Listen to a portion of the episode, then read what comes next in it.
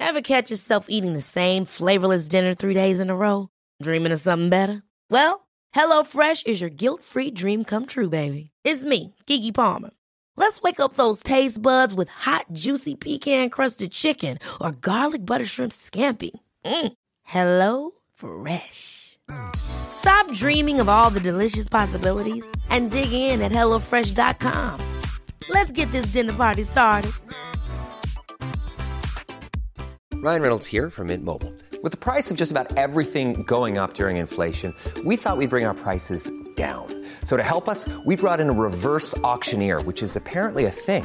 Mint Mobile unlimited premium wireless. Ready to get 30, 30, bit to get 30, bit to get 20, 20, 20, bit to get 20, 20, bit to get 15, 15, 15, 15 just 15 bucks a month. So, Give it a try at mintmobile.com slash switch. $45 upfront for three months plus taxes and fees. Promo rate for new customers for limited time. Unlimited more than 40 gigabytes per month. Slows. Full terms at mintmobile.com.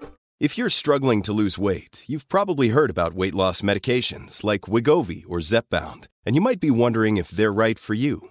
Meet PlushCare, a leading telehealth provider with doctors who are there for you day and night to partner with you in your weight loss journey. If you qualify, they can safely prescribe you medication from the comfort of your own home.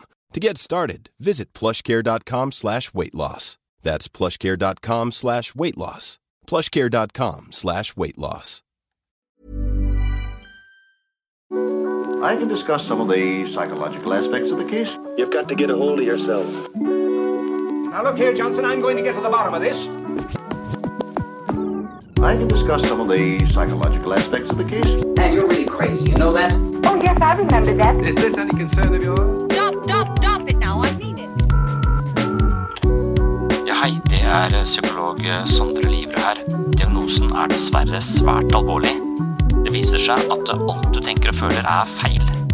Du må for all del ikke stole på hjernen din, den lyver. Alt du opplever er filtrert via nevroser fra ubevisste avkroker. Hvis du følger nøye med, er det en liten mulighet for at jeg kan hjelpe deg. I can discuss some of the I can discuss some of the I can discuss some of the psychological aspects of the case. Oh, I'm just losing my mind, that's all.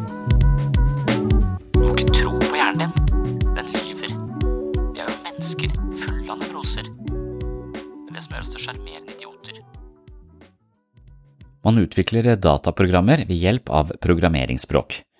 Konstruksjon av kildekoder gir maskinen nye muligheter og et stadig større potensial. Hjernen ligner i visse henseende på en datamaskin, og vi har i prinsippet tilgang til våre egne kildekoder. Kan vi som mennesker analysere våre egne kildekoder, oppdage bugs i systemet, forestille oss hva vi egentlig ønsker oss ut av livet, hvilke verdier vi vil kultivere, og dermed programmere oss selv slik at det er mulig å virkeliggjøre våre ønsker og forestillinger. Kanskje lever mange av oss som brukere av vårt eget mentale operativsystem, og sånn sett er vi prisgitt de kildekodene som er installert i oss gjennom alle erfaringer og relasjoner vi har hatt gjennom livet. Dersom noen av algoritmene sørger for angst, uro eller stadige konflikter, trenger vi kanskje å justere litt på disse mentale algoritmene. I så fall må vi logge inn som superbruker på oss selv. Denne måten å se mennesker på er kanskje litt eh, amerikansk, men til en viss grad så tror jeg at det er en nyttig og viktig analogi. Akkurat nå kan du lukke øynene og observere ditt eget sinn. Hva legger du merke til? Man kan faktisk observere sin egen syke in action. Men med en gang man begynner å vurdere eller dømme det man ser, har man falt fra superbruker til brukermodus. Jeg tror at mange mennesker som påstår å ha mye selvinnsikt eller bruker mye tid på å reflektere over seg selv, egentlig bare spinner rundt de ulike brukere fra et brukerperspektiv, mens virkelig utvikling kun kan finne sted i superbrukermodus. Hvorvidt dette medfører noen grad av riktighet, skal jeg utforske i dagens episode. Velkommen til sinnssyn og superbrukermodus. Oh, I'm just losing my mind, that's all.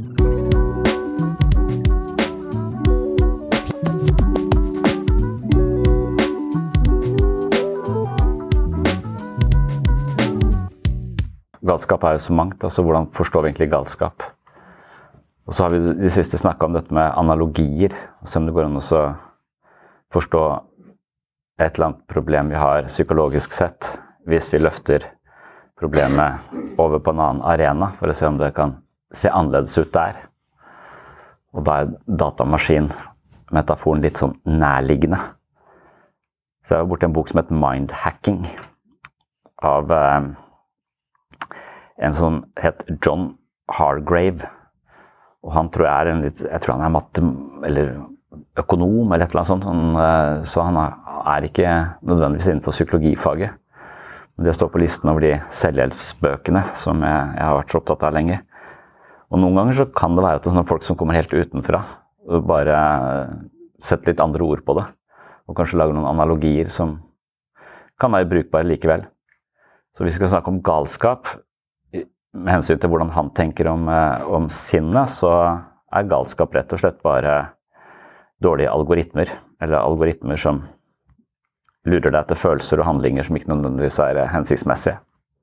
Så han sier jo litt at jeg, hjernen kanskje fungerer på en sånn type programmeringsspråk. Da, som hvis du skal skape en eller annen, en eller annen programvare på en, eh, på en, datamaskin, så må du lære deg programmeringsspråk.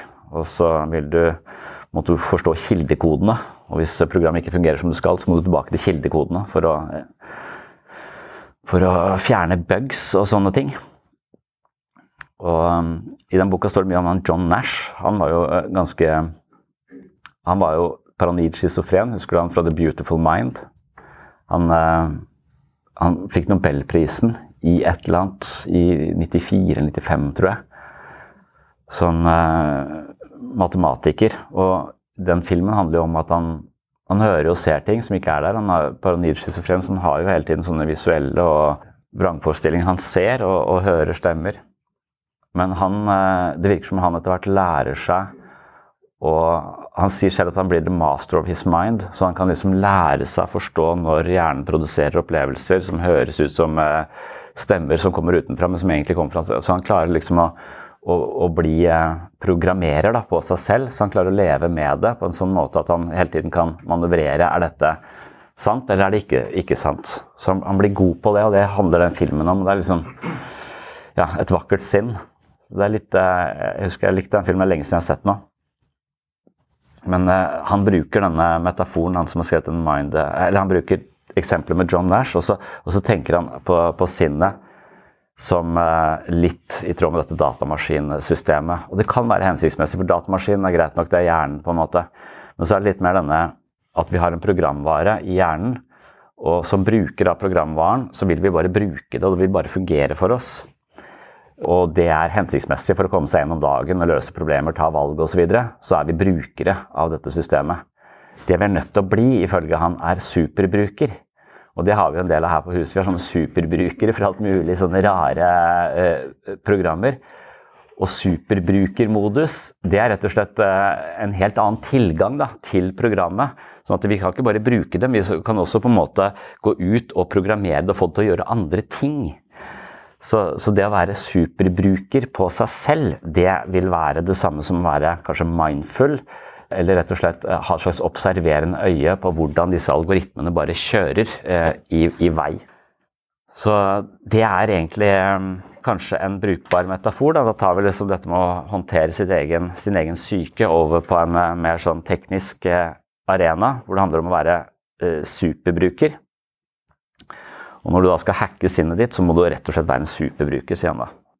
Og problemet er nok at når vi da logger på som superbruker, som vi kaller terapi innimellom, så, så vil veldig fort tankene våre overta. Og i det øyeblikket vi begynner å tenke, så er vi ofte tilbake i vanlig sånn brukermodus uten å legge merke til det. Så problemet vårt er at vi klarer ikke helt å koble inn i superbrukermodus og bli værende der. For med en gang vi begynner å tenke og nei, det er feil osv., så, videre, så er vi tilbake i brukermodus uten at vi nesten forsto at vi plutselig havna tilbake i brukermodus. Så vi, vi, forstår ikke at vi har, eh, har, eh, falt ut av superbrukermodus. Og det er det vi er nødt til å trene opp. Så det er mulig å trene opp. Så Han sier at det han kaller en mindhacker, da, som skal forandre seg selv, eh, de driver ikke bare og tenker, de er ikke bare brukere, men de tenker på å tenke veldig ofte. Altså metatenkning, metakognisjon. Og det er en superbruker. En superbruker tenker på hvordan denne systemet tenker. Det kan være kanskje en hensiktsmessig metafor, og jeg likte den superbrukergreia. At jeg skal være superbruker på meg selv. da.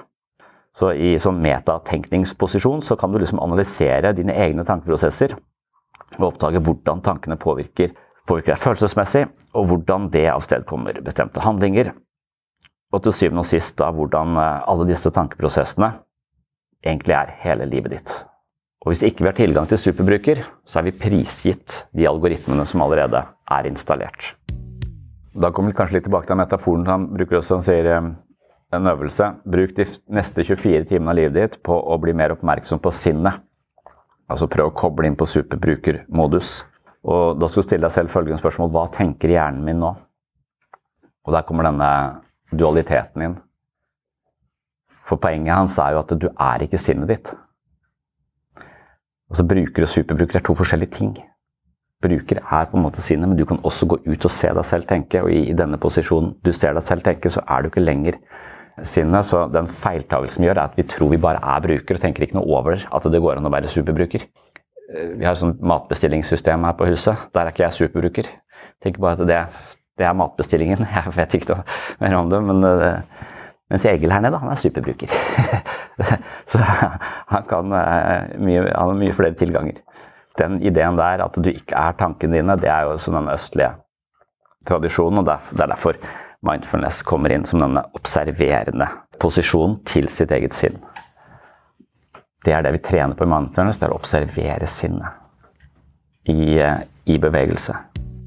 Og det er akkurat det det står der. altså En, en super, eller en, en som er på en måte en mindhacker, som han kaller det. Han er en mester i å switche mellom bruker og superbruker med vilje. Så at han kan vite hvor han er hele tiden, og han kan beholde posisjonen som superbruker. For superbrukeren har jo Det er greit nok han har flere tilgang, men har også tilgang til kildekodene. Så kildekodene kan korrigeres i superbrukermodus. Men hvis vi, som du sier, bare mister super... For med en gang vi begynner å tenke akkurat som, en, akkurat som i drømmen, da, når du forstår at du drømmer Det går jo an å drømme, være bevisst at du drømmer. Men en en gang, du forstår at du drømmer, så faller du veldig ofte ut av drømmen. Så du blir liksom, Med en gang du forstår at du er i superbruker, så blir du kasta ut uh, av en eller annen årsak. Du klarer ikke å beholde den posisjonen. Og det det, det er vel det som er hele trikset. da. Og da er det også snakk om at vi har to typer oppmerksomhet. Vi har en viljestyrt oppmerksomhet, og vi har en refleksiv oppmerksomhet. Og det også er noe vi må lære oss å, å håndtere. Så den, den viljestyrte oppmerksomheten den er jo den vi kanskje har nå, hvis vi følger med på hva som foregår her. Altså, vi bestemmer at vi skal følge med og dekode det som blir snakka om her.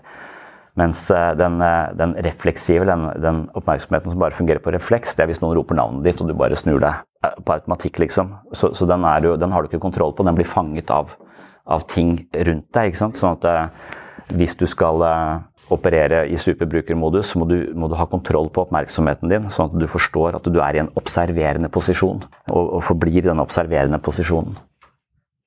Mindfulness, f.eks., det å, å prøve å, å være mer til stede som en observatør av hvordan hjernen fungerer. Det han foreslår, at altså, hva slags tanker produserer sinnet mitt. altså være denne, Istedenfor å tenke at hva tenker jeg nå, være i brukermodus, så ser du på hvordan hele systemet forvalter informasjonen.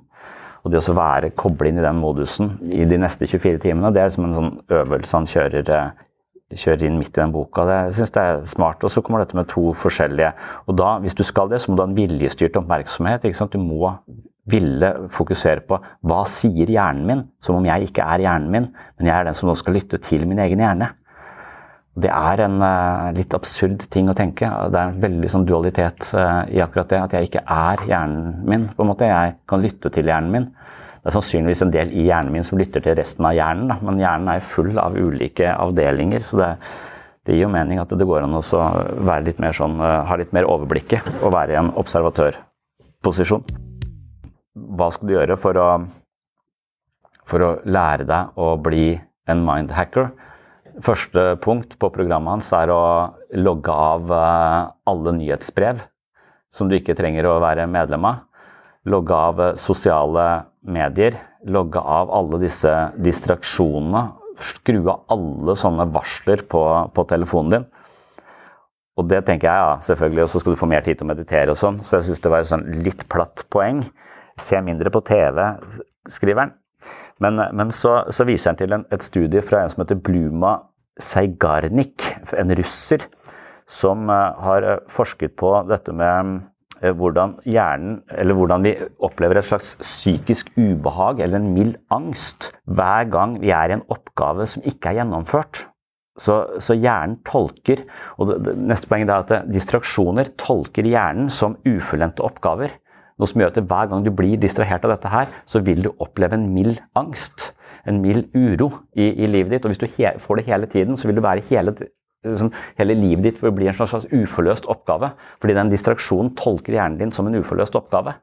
Og i, i det momentet så vil du altså da smøre ganske mye sånn uro utover hele hele livet ditt. Så det ga litt mening for meg. Det ga litt mer sånn tyngde til ja, ja, Det spiller ikke rolle om jeg sjekker telefonen, det er litt spennende å se hva som skjer. Altså, ja, det er det. Det er litt gøy å se hva som skjer, bare, men, men, likevel, når den For det første så vil den jo hele tiden stimulere den ikke-viljestyrte oppmerksomheten din. Det er det som er problemet kanskje med iPader og barn og sånn. Altså at det, altså vi trenger å styrke barnets egen eierskap til sin egen oppmerksomhet. Jeg styrer dette, jeg kan fokusere, jeg kan tegne, jeg kan perle, jeg kan gjøre ting som jeg er rett og slett agenten i.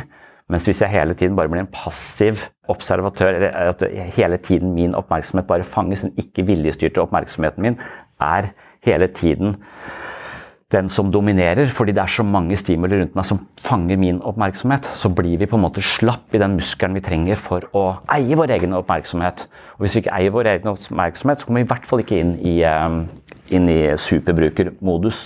Da vil vi være en, en evig bruker.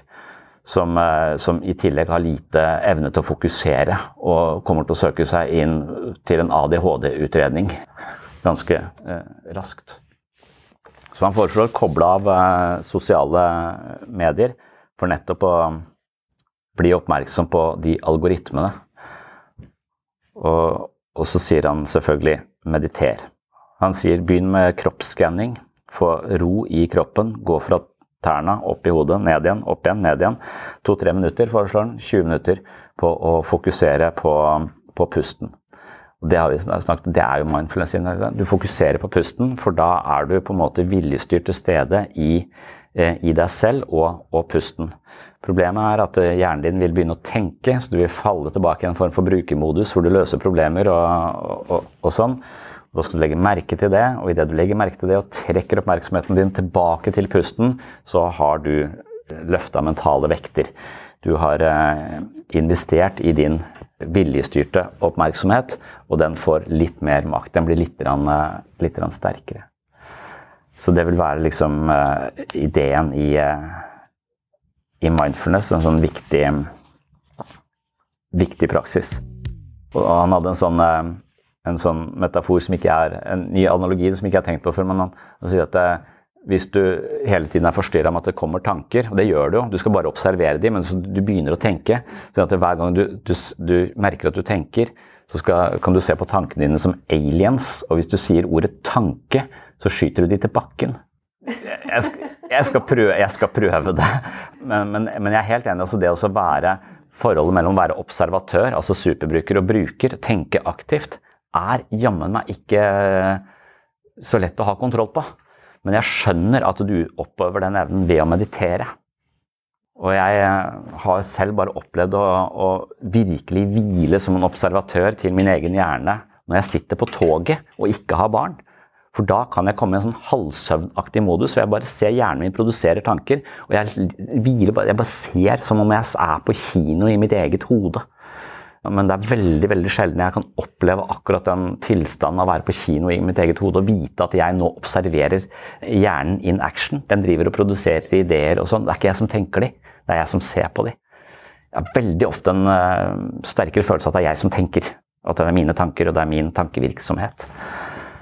Men uh, det å koble ut i superbrukermodus er jo det kan jo være interessant hvis du ikke har uh, telefon med deg, har nødt til å ha din egen, ditt eget hode som kino.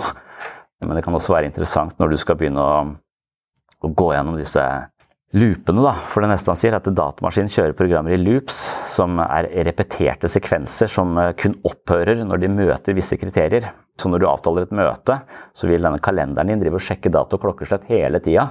Helt til den eh, dato og klokkeslettet kommer, så vil den varsle deg. Så det er, det, det er liksom en sånn eh, sekvens, en sånn algoritme. Og etter hvert så er datamaskiner fulle av sånne algoritmer, så de er veldig sofistikerte. De kan hjelpe deg med masse, masse rart. Og, men, men, så er jo vi, hvis vi kjører metaforen videre uh, som en datamaskin, så er jo vi også på en måte programmert akkurat sånn. Vi blir født med noen få programmer, altså bæsje, spise, gråte og sove. Det er de tinga vi kan eh, i utgangspunktet. Det er algoritmene som er installert. Men deretter så vil du gjennom erfaringer hele tiden få nye, installert nye algoritmer gjennom, gjennom nye, nye erfaringer. Og i en alder av, av, tre år så blir du også selvprogrammerende. Når du blir tre år, så, så har du forstått at du kan programmere din egen hjerne. Og det gjør du ved å stille i gjennomsnitt 450 spørsmål. Fy faen, det er mange å svare på når du er forelder. Altså, jeg har tre barn. 450 spørsmål per barn. Jeg er klar over hvor mange spørsmål eh, Det er nok til å føle seg ganske dum i løpet av en dag, for å si det sånn. Det er mye jeg ikke kan svare på. Så da er det jo tusen ting sant, som, eh, som, vil, eh, vil være Som vil installert som algoritmer. Så går lag på lag på lag på lag på lag med sånne eh, algoritmer. Og alle de erfaringene du gjør deg, alle de tilbakemeldingene du får, alt det som skjer med deg, lagres jo som, som sånne type programmer i, i hjernen din, som utgjør til slutt liksom dine vaner, dine talenter og din personlighet. Og det er jo da, hvis, den, hvis vi da la, la, oss si at du f.eks. er hvis, hvis, du er foreldre som si, ofte sier til deg at du er smart, så du får en tro på at du er ganske smart. Det betyr kanskje at du i møte med nye oppgaver tar de litt lett fordi du tenker at dette får jeg til fordi du tror at du er smart. Så det kan være en algoritme som kjører når du møter utfordrende oppgaver. Så kan, så kan du, ja, men dette fikser du lett fordi du er smart. Det er en algoritme som er ganske grei å ha, sannsynligvis. Så hvis foreldrene dine er uh, veldig bekymra for økonomi og veldig sparsommelige, så kan det godt være at du også har den algoritmen og blir veldig sparsommelig. Og at det er en algoritme som kjører, kjører hos deg.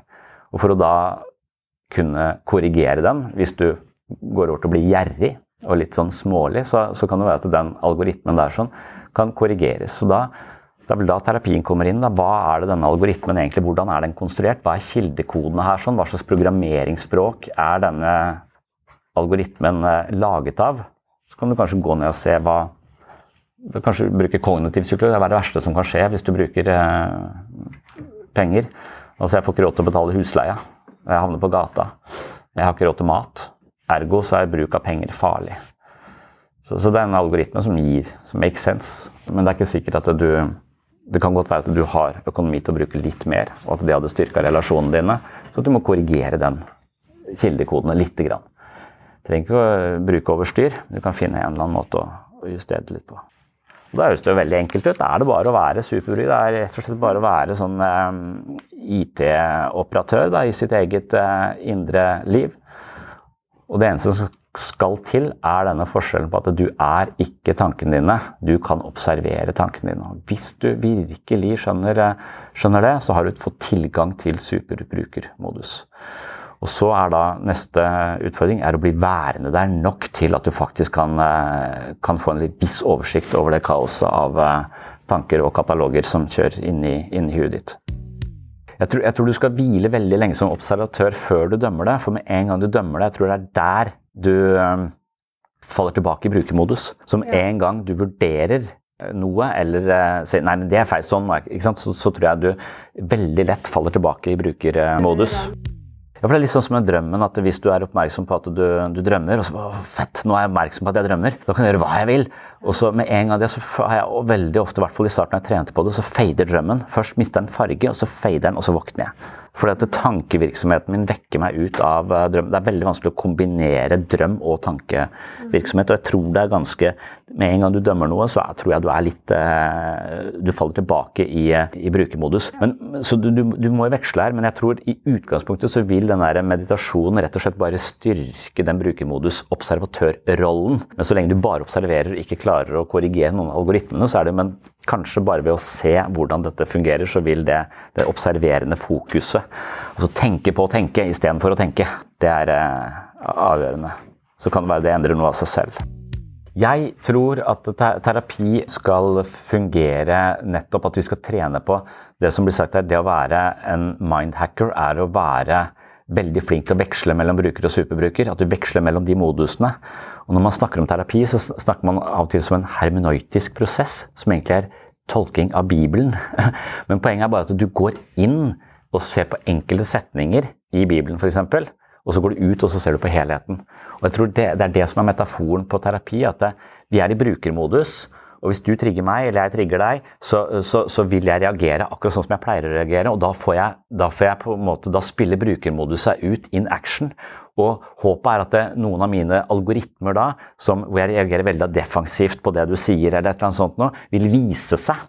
Og så vil de andre kunne hjelpe til å være superbrukere og se men det som skjer nå, og så kan de hjelpe deg tilbake i superbrukermodus for å se deg selv. Men hvis vi bare sitter og ser oss selv i super, eller sånn, observerer og analyserer oss selv, som ikke nødvendigvis er helt ute i superbruker, men i hvert fall ikke er heller altså Du er veldig redd for å la brukeren din kjøre spontant. da. For Hvis brukeren din kjører spontant, så er du redd for å bli avslørt.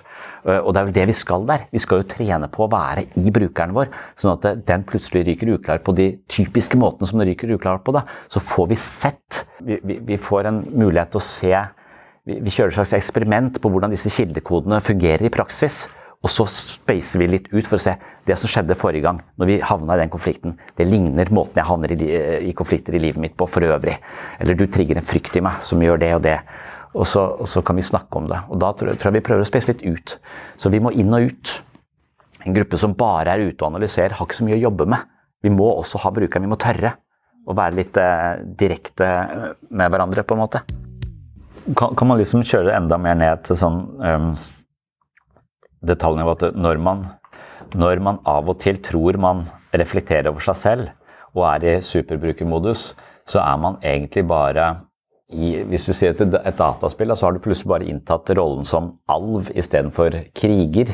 Sånn at du, du, har bare et annet perspektiv på deg selv, som fortsatt er en bruker. Det er bare en av Altså, du, du har mange elementer i deg selv som er i konflikt. Så istedenfor å gå ut og se på hele spillet som sådan, se på alle de ulike variantene av deg selv, så er du fortsatt da i krigen i ulike brukere av deg selv. At vi ikke har én bruker, men at vi har mange ulike brukere som av og til vil forskjellige ting.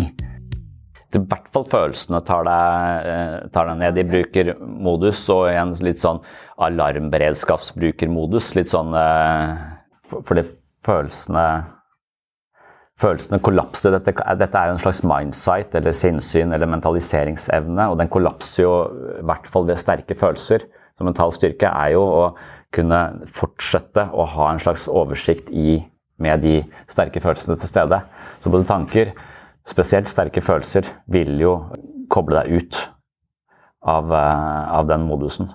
Det er kanskje det som f.eks. er ideen i eksponeringsterapi. da, er jo ikke at, er at du skal nærme deg dette så langsomt at du, at du, hele tiden vet at du er en observatør av deg selv i situasjonen. Men med en gang frykten din overtar og du ikke klarer å observere deg selv lenger, så må du egentlig bare eh, abort mission. Eh, trekke seg ut, og så må du gå tre meter lenger neste gang. Og hvis du bare hopper i det med hud og hår, så lurer jeg på om du bare, egentlig bare kollapser med med frykten igjen, uten å egentlig lære noe, for du klarer ikke å opprettholde et slags observerende blikk på deg selv. Mens eksponeringsterapi er vel kanskje det samme som psykoterapi. At vi skal bare prøve å sette algoritmene inn i action for, for å se ja, nå, må vi kjøre en ny simulering her for å se hvordan denne algoritmen Har du forstått at du er uhensiktsmessig redd for heiser. Må vi se om den innsikten på noen måte har løsna litt på den algoritmen. Og så nærmer vi oss eh, heisen for å justere det enda bedre og for å forstå det enda, enda mer.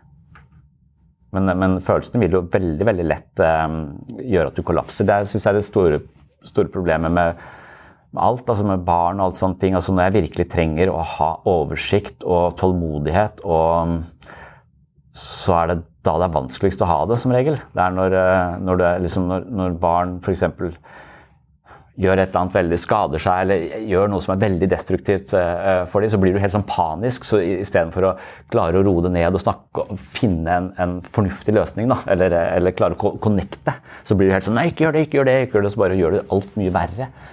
Så det er sånn Alarmberedskapsmodusen vil veldig ofte bare fucke opp det du virkelig trenger. La oss si du har barn som ikke spiser, da, spiseforstyrrelser. ikke sant? Fy faen. Altså, folk som pirker i maten. Jeg blir helt, jeg blir helt, eh, jeg blir helt gæren av det. Altså, jeg blir så Jeg vil ikke ha det, jeg vil ikke ha det. Det er null. altså Jeg kollapser med en gang i følelsen. Hva er dette? Kanskje en maktkamp? ikke sant? Kanskje du prøver å uttrykke et eller annet, at du vil bestemme mer. Du har? Prøv å forstå hva foregår her. Det krever jo superbrukermodus. Men, men da er den jo faen ikke tilgjengelig rundt det der spisebordet der, for å si det sånn. Det,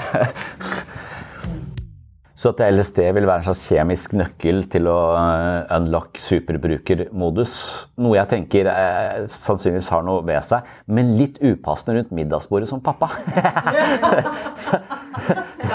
Vent litt, nå skal pappa bare ta litt LSD, og så, og så skal vi ordne denne situasjonen. Jeg har det bare i vannet til middagen. Litt mikrodosering av LSD. Til lungene også. ja. Det var jo helt fantastisk den siste sesongen av Klovn, hvor eh, Kasper Christensen eh, til slutt tillot at kameratens kameraten, sånn udugelige sønn, som bare satt inne på rommet og gama røyka hasj, skulle få lov til å jobbe på kontoret deres. Og da funka jo kjempebra, ingen skjønte helt hvorfor. Det var fordi Kasper Christensen hadde en liten mikrodose av LSD i vannet hans hver morgen, som han tvang han til å drikke. Og så skulle Frank overta den doseringa, så ble det helt galt. Så trodde han var en gås hele dagen. Da ble det lagt inn. Det er det språket man bruker for å programmere. Det er programmeringsspråket til mennesker. Det er kanskje ordene våre vi har på følelser, f.eks. Og hvis man da har eh, et ordforråd på 250 forskjellige eh, ulike nyanser og følelsestilstander, så er det klart at da har du litt mer å rutte med enn hvis du har eh, bra eller dårlig. A lot can happen in the next three years. Like a chatbot may be your new best friend. But what won't change? Needing health insurance. United Healthcare Tri Term Medical Plans are available for these changing times. Underwritten by Golden Rule Insurance Company, they offer budget friendly, flexible coverage for people who are in between jobs or missed open enrollment. The plans last nearly three years in some states, with access to a nationwide network of doctors and hospitals. So, for whatever tomorrow brings, United Healthcare Tri Term Medical Plans may be for you. Learn more at uh1.com. There's never been a faster or easier way to start your weight loss journey than with PlushCare. PlushCare accepts most insurance plans and gives you online access to board-certified physicians who can prescribe FDA-approved weight loss medications like Wigovi and Zepbound for those who qualify. Take charge of your health and speak with a board-certified physician about a weight loss plan that's right for you. Get started today at plushcare.com slash weight loss. That's plushcare.com slash weight loss. plushcare.com slash weight loss. Ever catch yourself eating the same flavorless dinner three days in a row? Dreaming of something better? Well, HelloFresh is your guilt-free dream come true, baby. It's me, Kiki Palmer. Let's wake up those taste buds with hot, juicy pecan-crusted chicken or garlic butter shrimp scampi. Mm. Hello Fresh. Stop dreaming of all the delicious possibilities and dig in at HelloFresh.com. Let's get this dinner party started.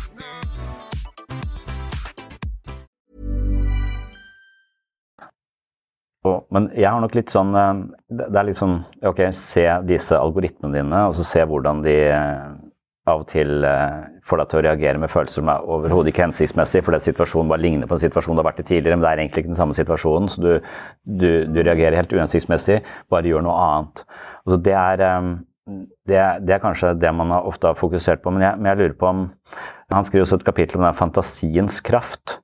Og jeg lurer på om det er like viktig å prøve å skape nye algoritmer som det er å korrigere gamle, på en måte. Jeg tror Det er, i hvert fall, det kan være viktig å korrigere gamle, men, men det kan nok også være liksom sånn veldig viktig også bruke fantasien sin til å forestille seg den personen man ønsker å være, den personen man har lyst til å bli, de målene man har lyst til å sette seg.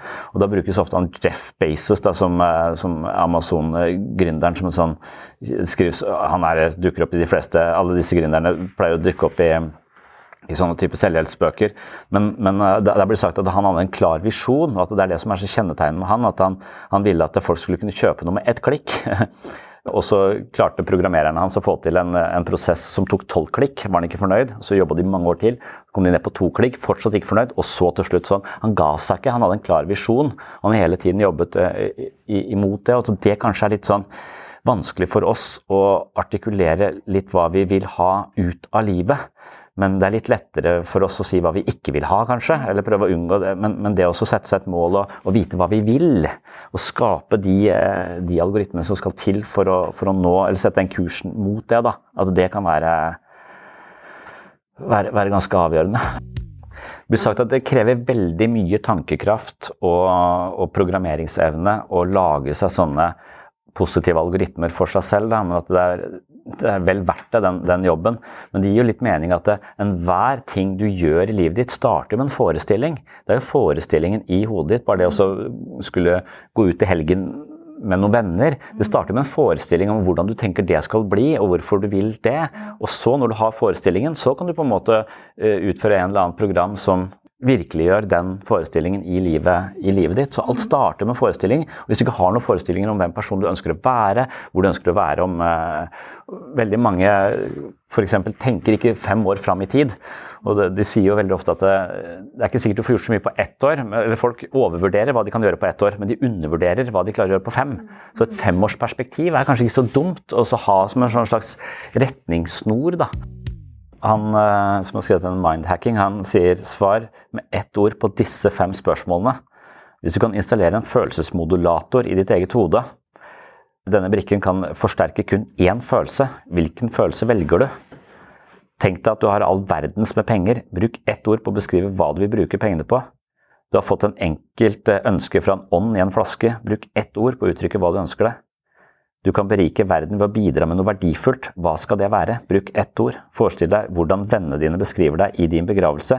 Tenk på et adjektiv du vil at de skal bruke. Jeg vet ikke, men, men ett ord er fryktelig vanskelig, da. Men, men, det er nok dette fokuset på hva er det du ønsker istedenfor alt det som jeg ikke vil. Som du sier, det er fokus på alt som har skjedd og som ikke skulle ha skjedd, og alt jeg ikke får til osv. Det vil ofte være Vi sier at én av fem tanker er positive.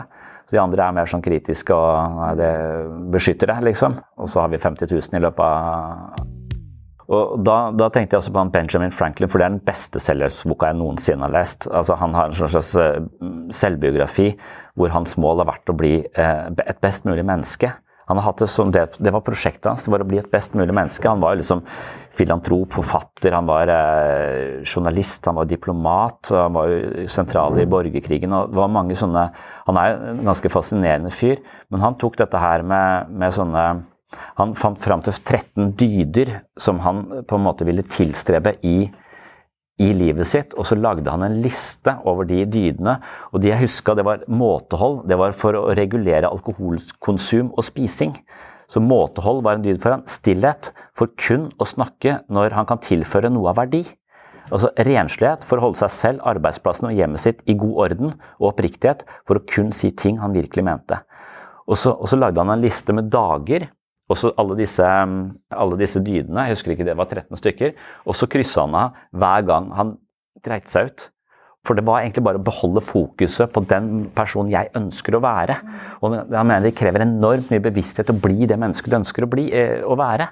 Og det, det krever en slags målretta innsats. For hvis du bare går på autopilot, så er du aldri i superbrukermodus. Så det er en måte å lure seg selv inn i superbruker og observere seg selv. Når er det, Hvorfor begynte jeg å bable i stad når jeg egentlig ikke hadde noe å si? Usikkerhet. Ja, den algoritmen. Jeg vil kun snakke når jeg mener jeg tilfører verdi.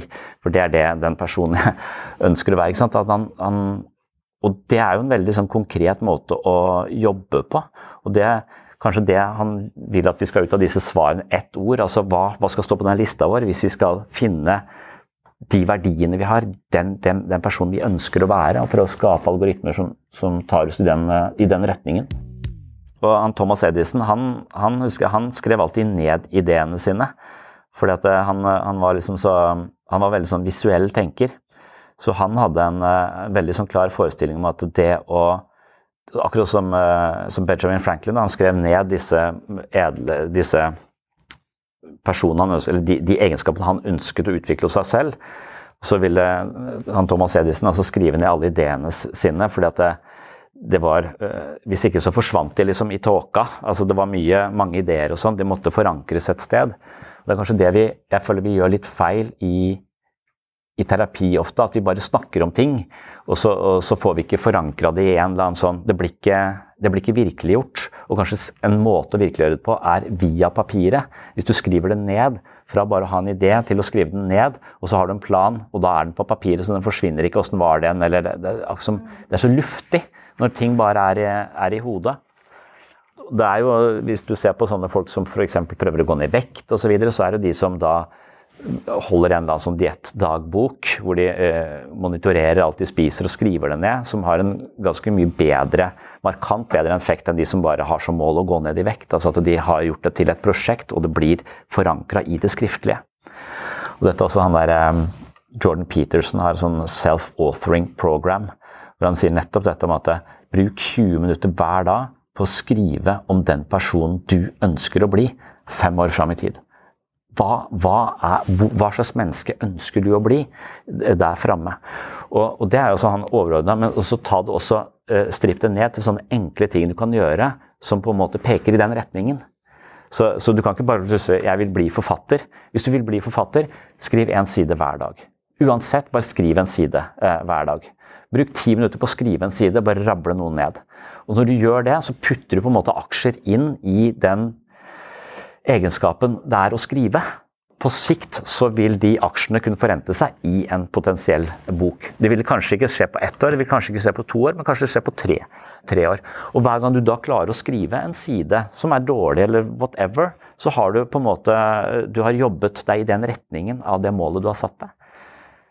Så, så det å skrive ned hvor, hva slags menneske jeg ønsker å være, da, da får vi kanskje en slags brukermanual, at det blir litt mer virkelig enn litt mer sånn ja, jeg har bare lyst til å være et godt menneske. Ja, hva vil det si for deg å være et godt menneske? Hva skal du tilføre verden av et eller annet av verdi? Hva skal du gjøre for deg selv for at du skal få det bedre? Altså, Vær litt mer konkret. Nikolai Tesla, han er serbiske som var også en sånn veldig visuell tenker, visstnok. Og han, han mente det var viktig å kjøre sånne ja, simuleringer av de prosjektene han hadde i hodet sitt. Så, så, han mente at det, det, er målet mitt, og så må jeg kjøre simuleringa fram til jeg har nådd det målet. Og da må alle de feilene, alle de problemene som kan oppstå underveis, eller alle de utfordringene jeg vil støte på.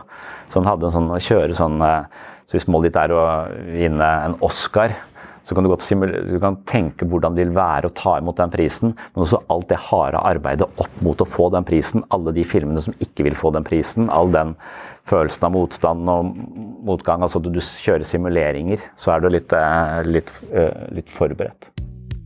Og så En siste ting som er, som, er, som er, helt åpenbart, som vi alltid snakker om. at Hvis du først skal på en måte bli ha en slags superbruker, så er det jo, det er jo viktig det, ikke, det, bare, det å bare være superbruker, det går jo ikke. Brukeren vår er jo fantastisk. Den, det er den vi skal bruke fra dag til dag. Det er, den, det er ikke som en fotballkamp. altså Hvis du sitter oppe på tribunen, så er du litt oversikt over alt som foregår. Hvis du er nede og spiller, så har du ikke den oversikten. Det er to helt forskjellige perspektiver. Du, du, du er, er ikke dermed sagt at du bare skal sitte på tribunen. Det er veldig gøy å spille fotball også, hvis det er din greie. Så du må ha begge de to tingene eh, tilgjengelig.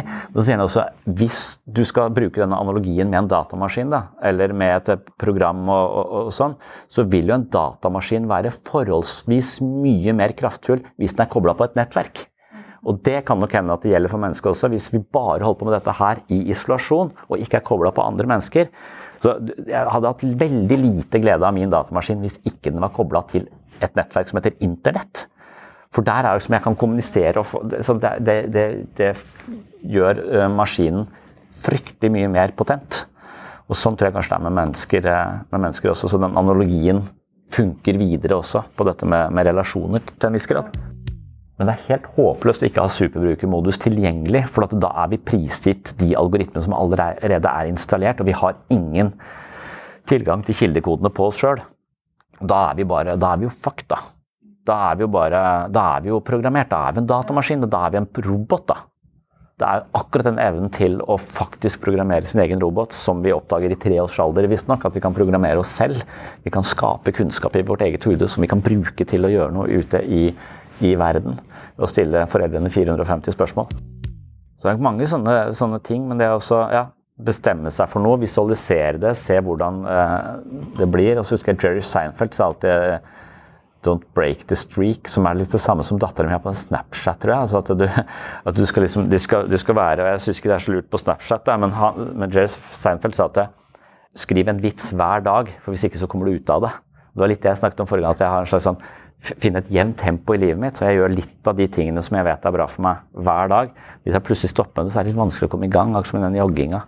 Så, så, prøv å finne et eller annet som passer tempo. Men begynn bare med noen små ting, sånn at du ikke nettopp ryker. da. Begynn med de små tingene, og så bygger du på. Og så får du en slags livskondis på et eller annet tidspunkt som handler om den jevne flyten. For en superbruker vil ikke ta parti.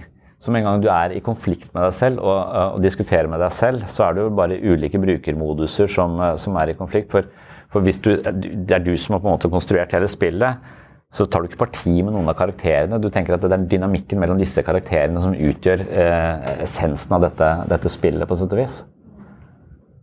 Så i konflikt med seg selv så er man nok i en eller annen sånn uh, bug. Midt i bugen, liksom. Det kan jo hende at den usikkerheten dere snakker om når hjernen skravler i munnen på seg sjøl og er i konflikt med seg selv og vil jeg det, vil jeg ikke, så, så at du da altså, har vært litt for lite i superbrukermodus. For det, det, å tenke på å tenke, altså det å uh, tenke på sin egen tankeprosess og se på alle disse stemmene og så se hvor kommer de fra, hva slags dialekt snakker de, hvor, hvor har de den, uh, den, konklusjonen fra, hvordan uh, kom de fram til så, du, så det å tenke på å tenke vil jo være nettopp å observere alt dette med noen som snakket her forrige gang vi snakket om ja, men hva hvis jeg har tenkt meg å sette alle perspektiver, men jeg vil bare dø likevel. Altså, ja, har du det? Altså, for at det, hvis, du, hvis du konkluderer på, og er 100% klar på konklusjonen din, så tror jeg du på et eller annet tidspunkt alltid vil mangle noen perspektiver. Alltid noen perspektiver som ikke har blitt eh, tatt med, med, på sett og vis. Så hvilken stemme er det som sier du er udugelig? Hvor kommer den stemmen fra? Eller er du egentlig dritforbanna på de folka som står rundt deg og vil på en eller annen måte såre de, men du er ikke i kontakt med det sinnet, men det sinnet kommer ut på en passiv måte. Hvis jeg dreper meg selv, så kan de skjønne hvor forferdelig de har vært mot meg. Altså, det kan være så tusenvis av årsaker til, eh, til hjernens skravling. da. Og det å observere det og se det, da har du liksom tenke på å tenke. Og da får du en, en enorm eh, oversikt over algoritmene. Ja, for, men da, da, tenker jeg at, at det, liksom, det, det må vi akseptere til og med i fysikk. For da når vi er lys, bølger eller partikler, det kommer faen meg an på om du ser på de eller ikke. Altså det, det der, helt, helt, ned på sånne kvantenivåer så, så, er det ingen enten-eller. Det er ikke en rett og galt og sann og falsk uh, dikotomi. Så, så, hva er det, er det mest um, riktige? Og så må vi, men jeg skjønner at du må liksom ta en vurdering, men ingenting vil være absolutt sant. Det vil være mer eller mindre velinformert. da. Sånn at du, På et eller annet tidspunkt så, så må du sette cutoff. Sånn, nå, nå klarer ikke jeg forstå mer av dette, men ut ifra det jeg nå har skjønt, så er dette må være det beste. Ja, for Vi har jo brukermodus for at de valgene skal tas uten at vi tenker oss sånn. Skal bare ba, ba, ba, ba, gå, ikke sant? Smooth. Men, men, når vi Og da lurer jeg på ok, han, John Nash da, han hørte stemmer. Er det nesten en fordel? Altså, sånn, for at Vi har disse stemmene, vi hører jo faen ikke. De påvirker livet vårt. For han så var de veldig tydelige. De snakka til han, og han kunne si ja, men den stemmen der, den, den, den henger jo ikke på greip. Det at jeg ble overvåka av uh, regjeringa via skjulte beskjeder i New York Times, eller aliens var det som kommuniserte med han uh, via New York Times altså, at, det, at det var sånne stemmer som kom inn altså, han, han, det, er nesten som om det ble mer oversiktlig hvis de hadde snakka høyt til meg, de stemmene. For da hadde jeg liksom hørt de. Mens, mens, for meg så er det ikke Jeg kan ikke høre hjernen min snakke. Og det, Derfor så syns jeg det er vanskelig å hvile som en observatør også av uh, min egen uh, min egen hjerne, så Av og til skulle jeg nesten ønske jeg hørte stemmer. Selv om jeg skjønner at det er ganske jævlig å høre, høre stemmer. Men, men, du kan også forestille deg hvor overbevisende det er hvis du virkelig hører noen snakke til deg der utefra. Altså, da, du, du, vil ikke tvile på din egen hørsel, på en måte. Jeg hører en lyd, så hører jeg en lyd. Altså, det kan være tinnitus, da veit jeg at det bare er inni øret mitt, men, men, men, lyder der ute men det er veldig veldig overbevisende, da, sannsynligvis. Og det å avkode at ja, men den er ikke sann, selv om den snakker høyt. Men det samme er det for oss. altså Når vi ikke hører stemmen likevel påvirker oss, og som vi hører at det, vi tenker som oss selv, så tror vi på den jævla stemmen. Vi tror at vi er tanken, vi tror at vi er udugelige. Vi tror ikke at dette er fabrikkert av en eller annen hjerne som har misforstått. Full av algoritmer fra fuck opp mange situasjoner. Man kan jo motbevise det på et sånn rasjonelt eh, grunnlag, selvfølgelig, men det er som, som regel vanskelig å overbevise. Men, men, og han er jo nobelpriskaliber, han John Nash, liksom, så det er klart at det, vi vanlige dødelige vil kanskje ikke klare å avsløre det på, på den samme måten. Men det kan jo kanskje, kan jo kanskje hjelpe, i hvert fall sånn hvis du, hvis du ber dem vurdere hvor sannsynlig tror du det er at du blir overvåka, hvor mye tror du på den tanken? da har du i hvert fall begynt å løsne opp i at tanker ikke nødvendigvis er en, har noe absolutt sant ved seg, men du kan vurdere hvor, hvor mye sant det er, eller hvor mye tror du på det? Den derre sannsynlighetsberegninga. Ja, men er det flyt, da? At, eh, for at I flyt så er du ikke forstyrra av stemmer, du er bare totalt oppslukt av det du eh, holder på med. Så uten en indre dialog, uten den refleksive dialogen, så er du egentlig bare totalt i, i pakt med, med naturen, på sett og vis. Ja, Det var, var, en del forskning i den boka som viste til at eh, hvis du bruker 20 minutter hver dag på å skrive ned noe om ditt best mulige fremtidige selv De som har utført det prosjektet over en viss tid, de rapporterer mye, at de er mye lykkeligere, de er sunnere og de er mer positive. Ganske signifikant. 20 minutter på å skrive om sitt eh, mest, best mulig fremtidige selv. Det er, for man tenker, ja, tankene går jo så Det er jo noe med å ta virkelig kontroll på fokus. da virkelig tvinge hjernen over en annen, uh, annen bane. Ved å skrive dette, dette ned. Ja, du må jo kanskje ta utgangspunkt i at du har gått noen runder med verdiene dine, f.eks. Eller sånn som Benjamin Franklin, måtehold, stillhet, renslighet. Jeg skal prøve å bare si altså, ting som tilfører mening. Jeg skal være mer oppmerksom da på hva jeg sier. Så så, så, det må vel eh, være å stadig vekk raffinere den planen du har om den, den, personen du ønsker å være. Om det er ting du skal oppnå i den ytre verden, eller om det er ting du skal oppnå i den indre verden. Det er jo kanskje litt hipp som haps, kanskje litt begge, begge deler. For meg så er det litt sånn overraskende at jeg har liksom sånne prosjekter, og nå er det så åpenbart hvordan de prosjektene bør altså Det er så rart for meg når du får en ny idé, at jeg ikke har skjønt det før. Det, for det er, så, det er, så, lett å se at det er sånn det må gjøres, men, men, men før jeg skjønte det, så, så, var ikke den Det eksisterte ikke den ideen. Og det er så, det er så rart for meg at jeg ikke For det, er så åpenbart når den først har, har, kommet ned på papiret, men det er fordi at jeg kanskje har en plan om hvor jeg skal. og Hver gang jeg uh, raffinerer den planen eller tenker gjennom den planen, så dukker det opp nye ting i nettopp den, den prosessen. Og da særlig i dusjen. Men det, jeg det, det, snakket vi om når det gjaldt kreativitet, at det nettopp er eh, at vann stimulerer kreativitet. Når du spør folk når de er på sitt mest kreative, og du har sånn GPS-måler på dem, for de svarer på telefonen, så får du sånn kreativitetskart. Og jo nærmere de er vann, jo mer kreativitet. Så da, du, du ser, det er fargekoder, og så blir røde røre nærmere vannet. Så jo nærmere vann du er, jo mer kreativ er du. Og dermed, når du står i dusjen, så dukker disse tankene opp. Og så dusjer du gjerne etter du har trent, da, og da har du åpna hodet ditt også. Men det er viktig at man, hvis man først skal begynne å forstå sitt eget indre, så, så, er det viktig med alle disse ytre faktorene. For hjernen er jo en slags organisme, en biologisk organisme. Og det der med, hvis ikke du får søvn, så er du litt fucked igjen. For da det, er også noen som eh, altså Hvis du ikke får sove, noe av problemet da er jo at hjernen ikke filtrere vekk det den slipper å bruke energi på. Altså, det er jo glemmeting som er veldig viktig med å sove. Så det, er jævlig viktig å ha kapasitet, akkurat som en datamaskin igjen. Da. Hvis du har fulgt med RAM, eller et eller annet sånt, så får du liksom ikke brukt maskinen mer. Så søvn er jo også eh, fjerne nullstille, så du har eh, sånn korttidshukommelse tilgjengelig. da. Så, så, det fins jo noen mennesker som har sånn klisterhjerne, som, eh, som husker alt i minste detalj. Og det er, nok, er visstnok en lidelse. Det høres ut som fett lett på skolen, liksom. Jeg bare husker, bare leser én gang, og så bare Men på annen side så, så, så, er det å glemme ganske viktig for, vår, for psykisk vedlikehold. Hvis ikke så får du liksom en du, du, tar vare på spam, du tar vare på alt. Du blir bare en jævlig full innboks, liksom.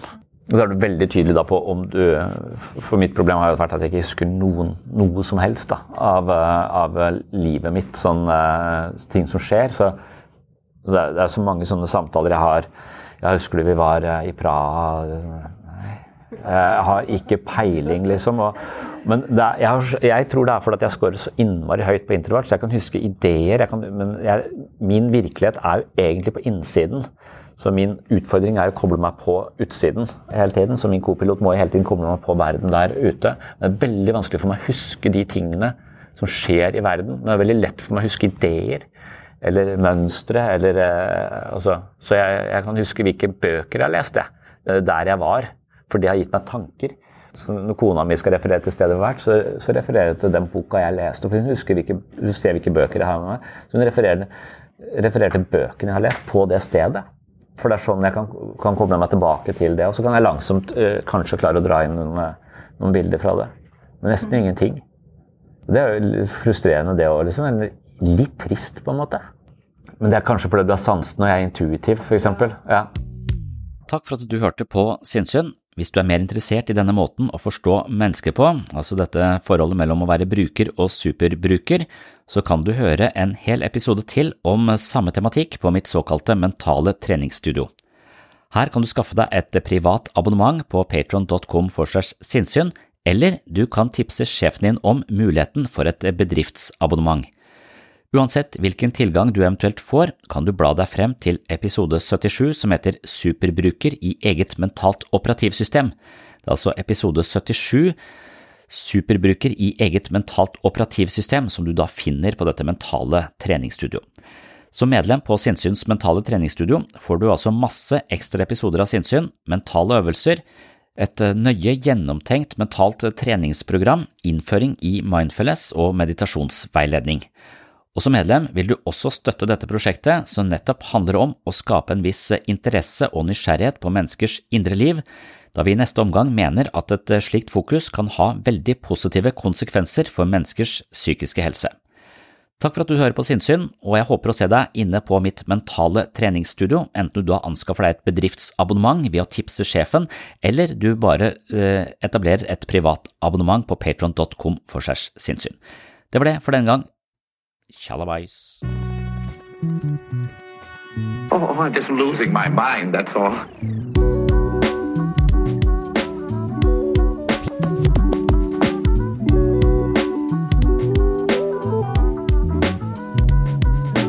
I can discuss some of the I can discuss some of the I can discuss some of the psychological aspects of the case. Psycho, psycho, psychological aspects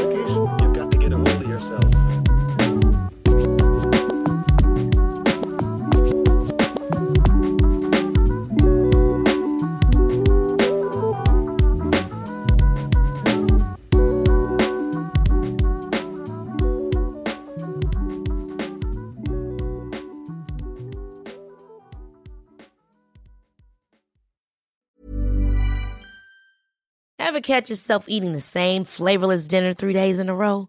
Dreaming of something better? Well, HelloFresh is your guilt free dream come true, baby. It's me, Gigi Palmer. Let's wake up those taste buds with hot, juicy pecan crusted chicken or garlic butter shrimp scampi. Mm. Hello Fresh. Stop dreaming of all the delicious possibilities and dig in at HelloFresh.com. Let's get this dinner party started. Hello, this is Danny Pellegrino, host of the Everything Iconic podcast, and I'm here to tell you all about Splash Refresher because hydration is mandatory, but boring is not. Now, I love my water, but if I don't spice it up, I'm not going to finish what I took out of the fridge. That's why I love my Splash Refresher, which is flavorful, delicious, bright, hydrating, and zero calories. The wild berry flavor is my fave. No, wait, is the pineapple mango flavor my fave? You know what? All five craveable splash refresher flavors are my fave because they're so delicious. So get hydrated and enjoy it with Splash Refresher. Imagine the softest sheets you've ever felt. Now imagine them getting even softer over time. That's what you'll feel with Bowl and Branch's organic cotton sheets. In a recent customer survey, 96% replied that Bowl and Branch sheets get softer with every wash. Start getting your best night's sleep in these sheets that get softer and softer for years to come. Try their sheets with a 30-night guarantee. Plus, get 15% off your first order at bowlandbranch.com. Code BUTTERY. Exclusions apply. See site for details.